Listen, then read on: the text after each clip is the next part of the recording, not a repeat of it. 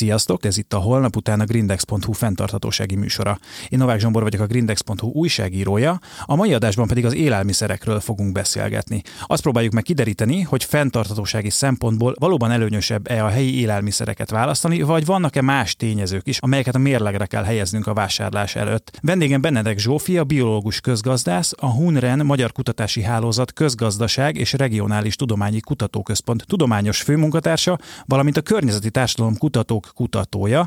Hát szervusz, és köszönöm, hogy elfogadtad a meghívást. Szia, sziasztok, én köszönöm a meghívást. Nemrég láttam egy előadást, ahol arról beszéltél, hogy a szállításhoz kapcsolódó kibocsátás tekintve nem feltétlenül van előnyben, vagy nem feltétlenül előnyösebb a helyi élelmiszereket választani, mint például a távoli országokból érkező termékeket. De hát ez miként lehetséges? A szállítás az egy nagyon csalóka mutató, tehát hogy a szállításon keresztül ragadjuk meg egy, egy terméknek a fenntarthatóságát, hiszen a hagyományos hosszú ellátási láncoknak a logisztikája ez nagyon hatékony. Ezzel egy nagyon alaprózódott rendszer ez nem nagyon tud versenyezni. Tehát a hosszú ellátási lánc alatt azt értjük, hogy amikor távoli országokból szállítják hozzánk a terményeket vagy a termékeket. Alapvetően igen, bár ez egy jó kérdés, az egész terület az tele van definíciós problémákkal, tehát hogy mi az, hogy hosszú lánc, rövid lánc, mi az, hogy helyi élelmiszer, erről nagyon sokat lehetne beszélni. Kicsit olyan, hogy így mindenki tudja, hogy miről van szó, de nagyon-nagyon nehéz definiálni. És akkor hogy látod, hogy akkor milyen irányból kellene megközelítenünk a kérdés, hogyha a szállítás az nem feltétlenül egy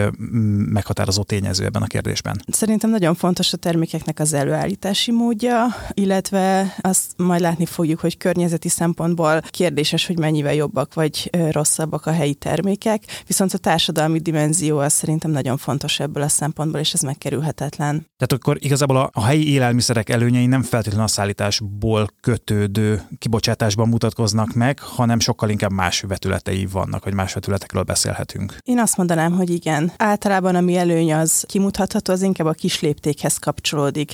A biodiverzitás szempontjából kedvezőbb, a tá- ez táji léptékben is értelmezhető akár, de, de lehetne más példákat is mondani. De hogy ez a kis léptékkel van összefüggésben, nem pedig azzal van kapcsolatban, hogy mondjuk 5 kilométerre vagy 20 kilométerre van a fogyasztás helyszínétől. És még visszatérve egy kicsit itt a szállításra, azért mégiscsak olyan nehezen képzeli el az ember, hogy hogyan lehet mondjuk az Alföldön termett paradicsomnál kisebb kibocsátással ide szállítani valamit mondjuk Dél-Amerikából, vagy Hollandiából, ahonnan, ahonnan például nagyon sokszor érkezik a paradicsom. Nagyon sok függ az adott szállítóeszköztől, tehát minél messzebbről érkezik, annál inkább jönnek képbe nagyon hatékony szállítási módok, például a hajóval történő szállítás, vagy a vasúti szállítás sokkal, sokkal kedvezőbb lesz környezeti, vagy hát karbonkibocsátási szempontból, mint mondjuk egy kis teherautóval történő szállítás, ahogy egyébként általában a kis termelők közlekednek. És mondjuk a repülőgép, mert ugye arról nagyon sokat hallani, hogy ugye a repülés az nagyon káros, hatalmas kibocsátással rendelkezik. Ugye a közlekedés kibocsátásában nagyon nagy a repülésnek a hozzáadott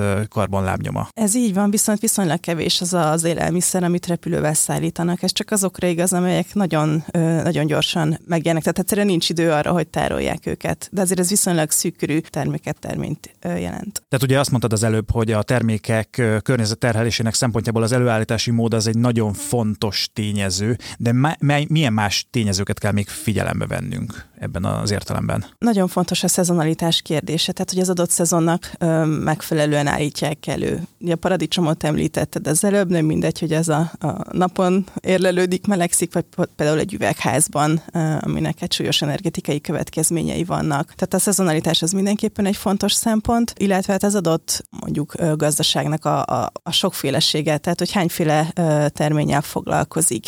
És akkor lehet, hogy mondjuk egy adott terményből nem jön be olyan nagy mennyiségű terméshozam, de összességében a tanya egész ez szép, mondjuk így kalóriamennyiséget tud már produkálni.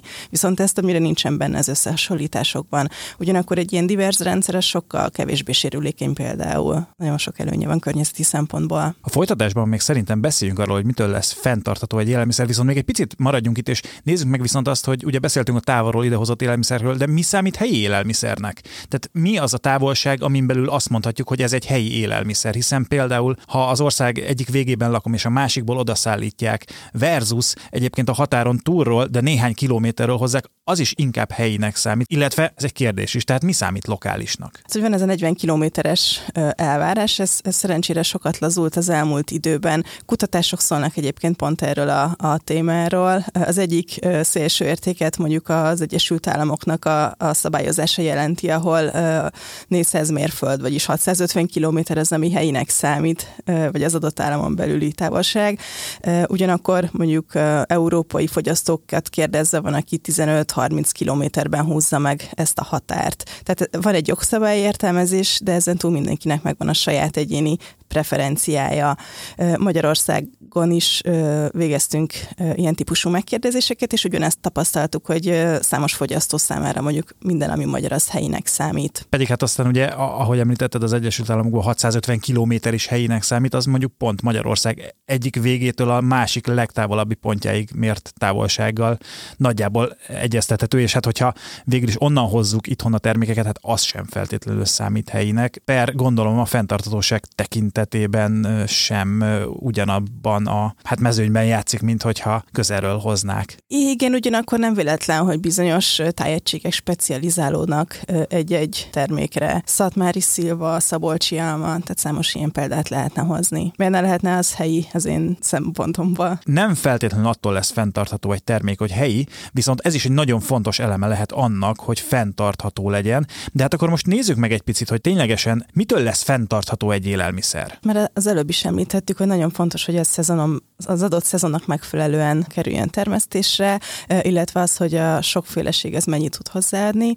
Nagyon fontos a különböző inputoknak a felhasználása, gondolok itt például a műtrágyáknak, egyéb vegyszereknek a felhasználására, tehát ez mindenképp fontos említeni, ugyanígy a vízhasználatnak a kérdéskörére. Itt röviden kitérhetünk a különböző permakultúrás megoldásokra, rendszerekre, még sokkal kedvezőbb termesztés és technológiát ígérnek ebből a szempontból. Tehát ezt mindenképpen megemlíteném, illetve hát aztán különböző tájfajtáknak a, az alkalmazása, ami csak kis rendszerekben elképzelhető. Ezek a tájfajták nagyon gyakran kevésbé piacosak, tehát nem olyan szépek, pöttyösek akármi, viszont jellemzően rezisztensek, ellenállóak, alkalmazkodtak a helyi flórához, faunához, tehát jóval kevesebb vegyszer felhasználást igényelnek, illetve hát aztán a feldolgozásnak a módja. Tehát pusztán azért, mert közelre kell szállítani, illetve relatív ismerősnek átadni. A csomagolás a, az igénye az jóval alacsonyabb, ami egy hatalmas összetevő az összesített környezetterhelés szempontjából. Tehát akkor itt egy elég komplex képről beszélünk, és mondhatjuk azt, hogy attól függően, hogy például hogyan lett megtermelve valami, vagy hogy milyen távolról lett ide szállítva, ezek mindegy mixbe kerülnek bele, és könnyen elképzelhető az, hogy távolabbról idehozott élelmiszer, mivel ugye úgy lett megtermelve, hogy az környezetbarátabb, ezért kisebb lábnyommal rendelkezik, mint akár egyébként a szomszéd mezőn megtermelt, de nagyüzemi mezőgazdaság gazdasági eljárásokkal megtermelt bármilyen más élelmiszer. Igen, ez, ez könnyen elképzelhető, vagy előfordulhat. Ezeket a, a számításokat teljes életciklus elemzés keretében szokták elvégezni, ami valóban az összes szempontot mérlegre teszi, és akkor a végén kijön egy szám, és azzal lehet kezdeni valamit. Az élelmiszerek esetében nagyon sokszor beszélünk ugye arról, hogy a zöldség gyümölcs fogyasztása az sokkal környezetbarátabb, sokkal fenntarthatóbb, mint hogyha állati eredetű élelmiszereket fogyasztunk. Ebben a tekintetben ez hogy néz ki? Tehát ez valóban így van, ez így igaz, vagy igazából fogyasztatunk nyugodtan hústermékeket is? Alapvetően ez, ez egy igaz állítás, gondoljunk az ökológiai piramisra, tehát ez egy alapvető természeti törvény, hogy minél magasabbra megyünk a táplálékláncban, annál több energia előállítani ezt az adott kalóriát mondjuk. Tehát ez mindenképpen igaz lesz, ugyanakkor azt nagyon fontos érteni, hogy egy jól működő növényi rendszer, ez elengedhetetlen egy jól működő állatokkal kísért rendszer nélkül, gondoljunk gondoljunk csak a trágyázásra például. Tehát önmagában nem a hús fogyasztás az ördögtől való, annak a mértéke, illetve az előállítás helyszíne módja az mindenképpen egy fontos tényező. Szokták mondani, hogy a marha hús esetében a, lehet a legmagasabb ökológiai lábnyomról beszélni. Ugyanakkor nagyon nem mindegy, hogy mondjuk egy argentin steakről beszélünk, vagy pedig egy felvadon tartott szürke marha csordának a termékeiről, tehát a húsáról. Tehát, hogyha azt mondjuk, hogy szeretnénk húst fogyasztani, akkor fenntarthatósági szempontból mindenképpen ez utóbbit lehet támogatni, javasolni. Ezek az állatok egyébként az adott tájnak a kialakulása szempontjából is fontosak. Tehát amit ma ismerünk, kultúrtájat, ezeknek a létrejöttében nagyon fontosak az állatok. Taposás, legelés, trágyázás, és ezek a területek jellemzően természetvédelmi szempontból is nagyon értékesek. Ez lehet, hogy nem az ős eredeti állapot, de mindenképpen egy nagyon divers terület. Így az élelmiszerek fenntartatósága kapcsán még egy nagyon fontos téma van szerintem, amiről azért sok szó esik, hogy ugye 8 milliárd vagy egyre több embernek az ellátása a nagyüzemi mezőgazdaság nélkül az kevésbé lehetséges. Tehát, hogy azokkal a módszerekkel, amik fenntartatóbbnak mondhatók, mint amilyeneket ugye említettünk, a biotermelés, a, akkor a, a permakultúrás termelési elvek például, amit említettél, szóval, hogy ezzel összességében nem lehet annyi élelmiszert megtermelni, amivel el tudjuk látni a, a növekvő számú emberiséget, ez tényleg így van. Összességében ez nem elsősorban mennyiségi, hanem inkább elosztási probléma. Hol termelődik, kihez jut el, illetve aztán mi lesz ennek az élelmiszernek a sorsa. Tehát, hogyha belegondolunk abba, hogy mondjuk az élelmiszernek alsó hangon is a harmada a kukában végzi, akkor könnyen belátható, hogy az nem egy jó érv a termelés fokozására, hogy, hogy nincs elég. Hát akkor most már sokkal jobban képbe vagyunk azzal, hogy mitől lesz fenntartató egy élelmiszer, viszont picit beszéljünk a magyar helyzetről, hogy mi a helyzet Magyarországon, hogy állunk a fenntartató élelmiszer termelésben, milyen kilátásaink vannak. Összességében elmondható, hogy a rendszerváltás óta több mint egy millió kistermelő tűnt el, teljesen átalakult a gazdaságnak a szerkezete, meghatározóak a kevés számú hatalmas kiterjedésű birtok. Összességében kedvező adottságok miatt egyébként a területről el lehetne látni a magyar fogyasztóknak a, a kalória mennyiségét, tehát ezzel nem lenne probléma, viszont drasztikusan csökken az a szakértelem, ami, ami ezt elő tudná állítani, tehát hogy ez egy kétségtelen veszély. Úgyhogy ezért is lenne fontos a tudatos fogyasztás, hogy a tudatosan segítsünk a kicsiknek talpon maradni, hiszen ők a, az élelmiszertermelésünknek a, a záloga náluk van a kamra kulcs, hogy úgy mondjam. És annak mi lehet az oka, hogy ilyen sokan, hát több mint egy millió ember tűnt el erről a munkaerőpiaci szegmensről? Ennek sok oka van, részben statisztikai is, tehát hogy a háztáit azt mondjuk hova soroljuk, illetve kik azok, akik, akik ezzel foglalkoznak, jellemzően ők már megöregedtek, meghaltak azóta, és a fiataloknak nem feltétlenül vonzó ez a akár életpálya, akár az, hogy kiegészítő tevékenységként ők ezzel foglalkozzanak azért ez rengeteg munka. Korán kell kelni, az állatokkal sok a vesződtség, ez, ez mindenképpen szempont. De talán ezt látjuk akkor is, amikor ö, tényleg egy végig autózunk a falvakon, és ö, azt látjuk, hogy műveletlen kertek vannak, és nem nagyon, ö, pedig a lehetőség meg lenne, de hogy nem feltétlenül foglalkoznak már a háztáji művelésével sem az emberek. Hát amíg a, olcsó megvenni a kínai fokhagymát, mint megtermelni a kert végében, addig ö, ezen tulajdonképpen nem lehet csodálkozni.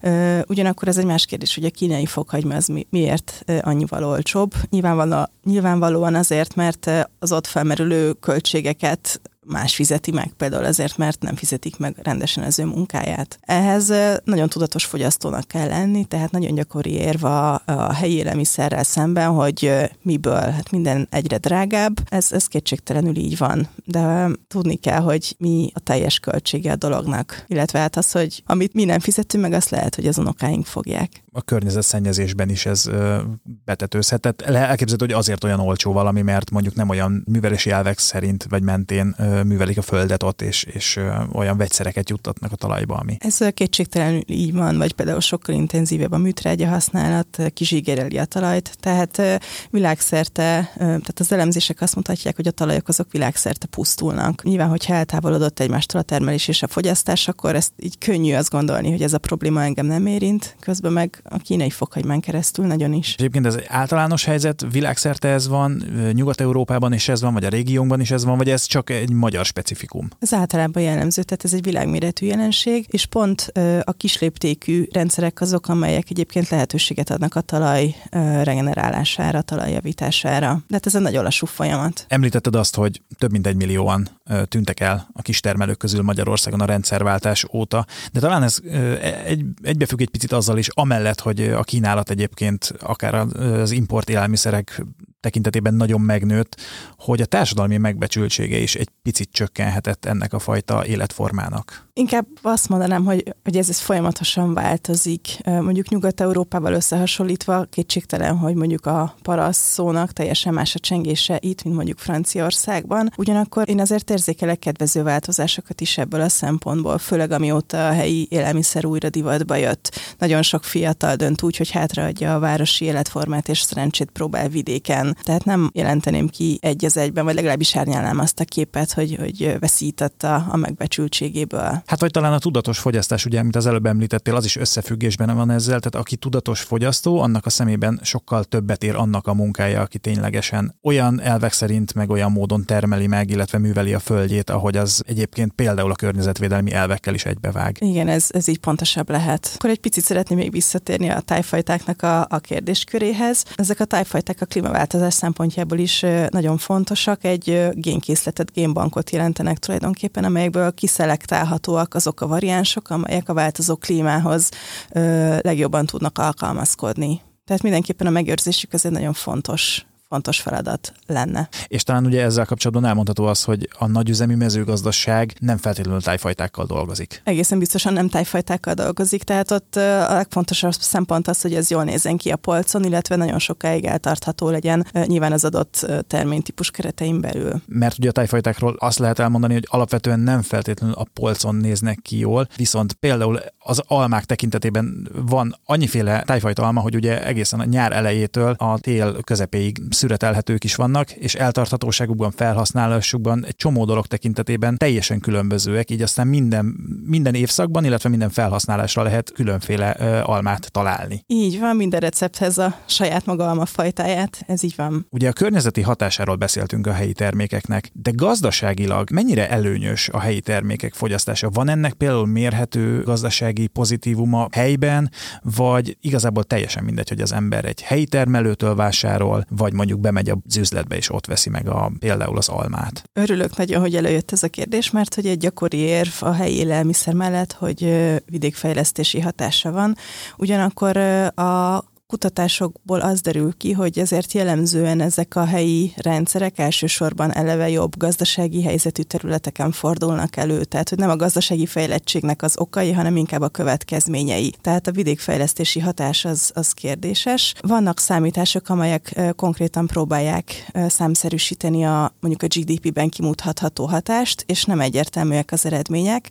Általában azt lehet látni, hogy mondjuk jövedelmi vagy munkaerőpiaci szempontból van kimutatható hatás, bár itt sem mindig egyértelműen pozitívek az eredmények. A helyi GDP-ben viszont nem feltétlenül jelentkeznek a helyi élelmiszernek a hatásai. Tehát ez azt jelenti, hogy lehet, hogy nem a gazdaság fejlesztése mondjuk az, ami várható egy helyi élelmiszerrendszer fejlesztésétől, ugyanakkor az, hogy a gazdák helyben maradnak és folytatják a termelést, ez egy alapvető fontosságú tényező lehet, különösen, hogyha visszagondolunk, amiről az előbb beszéltünk, hogy a kistermelők folynak Magyarországon és világszerte is. Tehát nem mindegy, hogy ki és hol maradt termelésben. Nekem egy nagyon fontos fogalom jutott eszembe most erről, amit mondtál, amiről igazából sokszor szoktunk beszélgetni, ez pedig az élelmiszerbiztonság. Talán ilyen szempontból is nagy jelentősége van annak, hogy a helyi termelő megmaradjon, illetve ténylegesen legyenek helyi termelők. Ez mindenképpen így van. Elég, hogyha visszagondolunk a COVID kapcsán történő lezárásokra, ahol mondjuk a hosszú láncoknak egy jó három hetes, egy hónapos időbe telt az, hogy átrendeződjenek és újra elérhetőek legyenek a termékek. Ez alatt az érdeklődés az korábban nem látott, nem várt mértékben a kistermelői élelmiszerek felé fordult, hiszen az ott volt elérhető volt. Vannak olyan számítások egyébként, hogyha a világ egészét nézzük, akkor tehát Magyarország nagyon-nagyon szerencsés helyzetben van klimatikus vízrajzés egyéb szempontból, hogy van lehetőség megtermelni a megfelelő mennyiségű kalóriát, ezért ez a világnak legalább a felére ez nem, nem feltétlenül igaz. Gazdaságilag nem egyértelműen előnyösebb a helyi termékek fogyasztása, de fenntartatósági szempontból főleg, hogyha az úgy van megtermelve, akkor mindenképpen nevezhető talán annak. Viszont még egy nagyon fontos kérdés van, hogy hogyan jutunk hozzá ezekhez a termékekhez? Mindenképpen a legbiztosabb, hogyha közvetlenül a, a termelőtől. Egy felmerül kérdésként, hogy honnan, honnan tudja a fogyasztó, hogy tényleg ő a termelő, tényleg az ő területéről származik, főleg az alaptermékek zöldséggyümölcs esetében ezért elég nehéz a megfelelő mennyiséget, illetve választékot megtermelni. Ebben a helyi rendszerek mindenképpen jók nagyon sok a termelői piac, támogatások következtében épült is sok az utóbbi időben, ugyanakkor azért általános tapasztalat, hogy ezeket nem, vagy nagyon nehéz megtölteni helyi termelővel. Ez mondjuk az országnak a különböző területein, tehát eltérőek a, a, a viszonyok. Tehát mondjuk Budapesten, a Balaton felvidéken más lesz, mint egy, egy, egy más vidéki környezetben, paradox módon, hiszen azt várnánk, hogy a vidéken jóval több gazdát fogunk találni, egyszerűen nem feltétlenül éri meg. Tehát mondjuk egy vidéki kitermelői piacon télen azért nem biztos, hogy meg lesz az a mennyiségű, minőségű termék. De hogyha visszatérünk a, a rendszerekre, tehát piacok között is nyilván van olyan, ami jó és megbízható, de nagyon tudatosnak kell lenni. Sokkal inkább érdemesebb más rendszerek felé fordulni, ilyenek például a bevásárlóközösségek, vagy kosárközösségek, vagy pedig a közösség által támogatott rendszerek, ahol sokkal szorosabb a, a fogyasztók és a gazdák között a kapcsolat. Tehát a fogyasztó sokkal inkább biztos lehet abban, hogy tényleg azt kapja, amit, amit ő vár. És említetted a bevásárló közösségeket, kosárközösségeket, de ezek alatt mit kell értenünk? Ezeket hol keressük például, és hogy működnek? Általában a nagyobb városokban, székhelyeken fordulnak elő, de örvendetes fejlemény, hogy egyre gyarapszik a számok, és kisebb településeken is már elő-előfordulnak. A bevásárló közösségeknek a lényege az, hogy a fogyasztók egy csoportja, ők lesznek a, a szervezők, összegyűjtik a környékbeli gazdákat, adott esetben nagyon szigorú kritériumrendszer alapján, adott esetben tanyabejárásokat követően, összegyűjti az adott hétre vagy két hetes időszakra jellemző termékválasztékot, és aztán azt megosztja a fogyasztóknak egy további csoportjával, és így össze tudja gyűjteni az igényeket. A fogyasztók előrendelést adnak le, tehát a termelők pontosan tudják, hogy miből mennyit szállítsanak. Itt biztos a piac, tehát át fogják venni tőlük az időjárási körülményektől függetlenül is, szemben például mondjuk a piaccal, ahol sokkal gyérebb a forgalom, hogyha esik az eső. És akkor így, így állnak össze tulajdonképpen ezek a rendszerek. Itt jellemzően viszonylag sok fogyasztót és viszonylag sok termelőt fog össze a szervező mag. Ezzel áll szemben mondjuk egy közösség által támogatott rendszer, ahol jellemzően egy vagy kevés gazda van a középpontban, és ő gyűjti maga köré a, a fogyasztóit. És ha jól értem, akkor ezek a rendszerek a termelők számára is egy sokkal nagyobb biztonságot adnak, amellett, hogy nyilván a fogyasztók pontosan tudni fogják azt, hogy kitől érkezik a termék, milyen körülmények között van megtermelve, viszont a termelő számára is egy biztonságot nyújt az, hogy kiszámítható, biztos bevétellel tud kalkulálni, szemben például azzal, hogy amit említettél, hogy kimegy a piacra, és hát lehet, hogy aznap éppen nem vásárol senki nála. Így van, az a, a jellemző, hogy ez egy kockázat megosztó stratégia részeként ide is szállítanak mondjuk a piac mellé. Önmagában viszonylag kevés az a termelő, aki csak kosárközösségeknek szállít, de, de azért előfordul ez is. Mindenképpen pozitív a termelő számára, hogy leveszik a, a marketing költségeket, tehát hogy azt az idő és energia mennyiséget, amit ne, nem neki kell mondjuk a Facebookon posztolgatva tölteni, ezt nagyon szokták értékelni a termelők, de hát hátránya is van, mert nagyon el tudja aprózni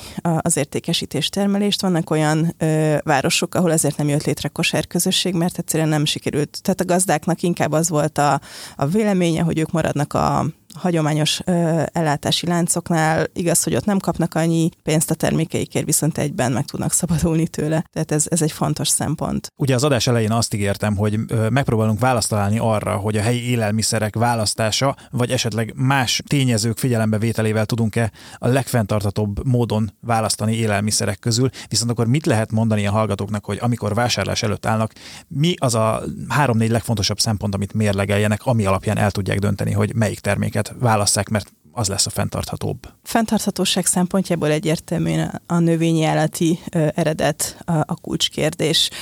Tehát mindenképpen érdemes a, az életmódot egy növényi túlsúlyú, hogyha nem is kizárólagos vegetáriánus vagy vegán irányba eltolni. Ugyanakkor, ha már ez a döntés megszületett, akkor mindenképpen érdemes helyi forrásból származó alapanyagokat választani. Itt hangsúlyozom az alapanyagokat, tehát minél inkább alaptermékeket, vagy pedig a helyi kulturális hagyományoknak megfelelő megfelelően feldolgozott élelmiszereket, lekvárokat, szörpöket, húskészítményeket vásárolni, mert azok nem fognak tartósítószereket, hozzáadott anyagokat, adalékokat tartalmazni. Mindenképpen fontos szempont, hogy ez szezonális legyen, illetve hogy minél inkább sokféle rendszerben kerüljön ez megtermelésre, tehát hogy nem monokultúrából származzon. Fontos szempont még a, a csomagolásnak a, a mennyisége módja is, illetve hát a társadalmi szempontból pedig ez a közvetlen kapcsolat a termelővel. Akkor azt hiszem, hogy választ kaptam a kérdéseimre, illetve remélem, hogy a hallgatók is választ kaptak, úgyhogy bízom benne, hogy most már mindenki el tudja majd dönteni, hogyha két élelmiszer közül kell döntenie, hogy melyik a fenntarthatóbb. Nagyon szépen köszönöm Benedek Zsófiának, hogy a vendégünk volt. Én köszönöm a meghívást. Nektek pedig köszönöm, hogy velünk tartottatok. Ez volt a holnap után a grindex.hu fenntarthatósági műsora itt a Petőfi Rádión. A jövő héten újra izgalmas adással érkezünk, addig is olvassátok a grindex.hu-t és kövessetek minket a közösségi felületeinken. Sziasztok!